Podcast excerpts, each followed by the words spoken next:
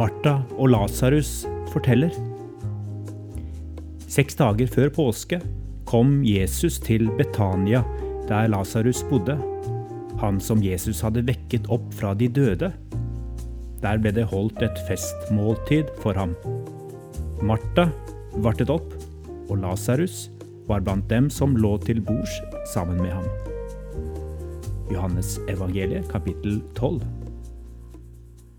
Det er jeg som er Martha, ja. Om jeg har tid til en prat? Ja, det må bli ganske kort. Jeg må tenke over om jeg har husket på alt. Jesus er glad i en bedre middag med en smakfull vin til, og det skal han få. Nei, Jesus får ikke alkoholfri vin her i Betania. Ikke at jeg aner hva det er, men det er et av disse spørsmålene jeg pleier å få når jeg snakker med dere fra fremtiden. Det blir gammel, klaret vin og fete, margfulle retter. Ja, slik et skikkelig gjestebud skal være på disse kanter. Men jeg har lagt merke til at Jesus er særlig glad i kakene mine, så det skal bli eh, rosinkaker, daddelkaker og fikenkaker. Denne gangen skal det ikke mangle noe. Vi har gledet oss til dette festmåltidet i flere dager. Å, som jeg gleder meg til å vise Jesus hvor glad jeg er i ham, og for hvor takknemlig jeg er for det han gjorde for min bror Lasarus, ja, for oss. Men, men nå må dere ha meg unnskyldt. Jeg har dessverre ikke tid til å stå her og prate. Jeg har så mye jeg må gjøre. Jesus kommer! Lasarus, ja. Det er meg. Eh, om jeg har tid til å snakke litt?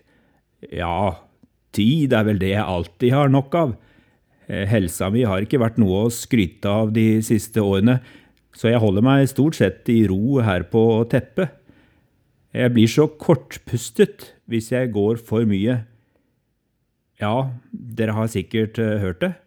Det er et under at jeg i det hele tatt ligger her. De forteller meg at jeg lå tre dager i graven.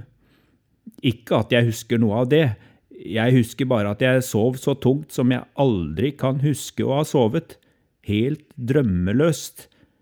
Så hører jeg denne kjente stemmen rope mot meg med en myndighet som gjorde at det bare var én ting å gjøre, å komme seg opp, ut av den tunge søvnen, og jeg åpnet øynene, og det var fortsatt mørkt, men det var som om denne stemmen snakket liv inn i kroppen min.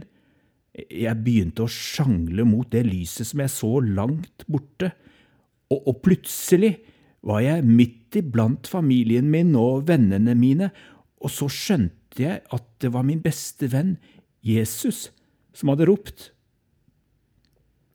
Nå kommer han snart hit til oss igjen, huset fylles alltid med nytt liv når han kommer. Jeg skulle så gjerne ha gjort noe for ham. Men, men, selv om jeg fikk livet tilbake, så er det ikke sånn at kroppen er blitt ung igjen. Jeg føler meg så full av liv her oppe i hodet og her i hjertet, men, men kroppen min er fortsatt sliten.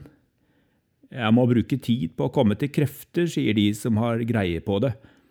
Så jeg ligger her, og, og når Jesus kommer, skal jeg fortsatt ligge her. Men jeg skal ikke gå glipp av ett sekund Sove, det kan jeg gjøre når som helst.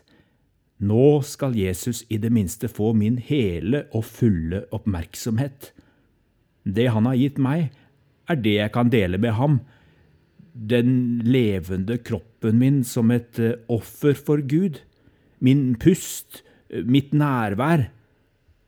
Jesus snakker fortsatt liv inn i alle mine lemmer hver gang han er her. Ordene hans er som rent kildevann. Jeg løfter hendene mine fram som beger, og jeg, jeg drikker av det livets vann han bringer.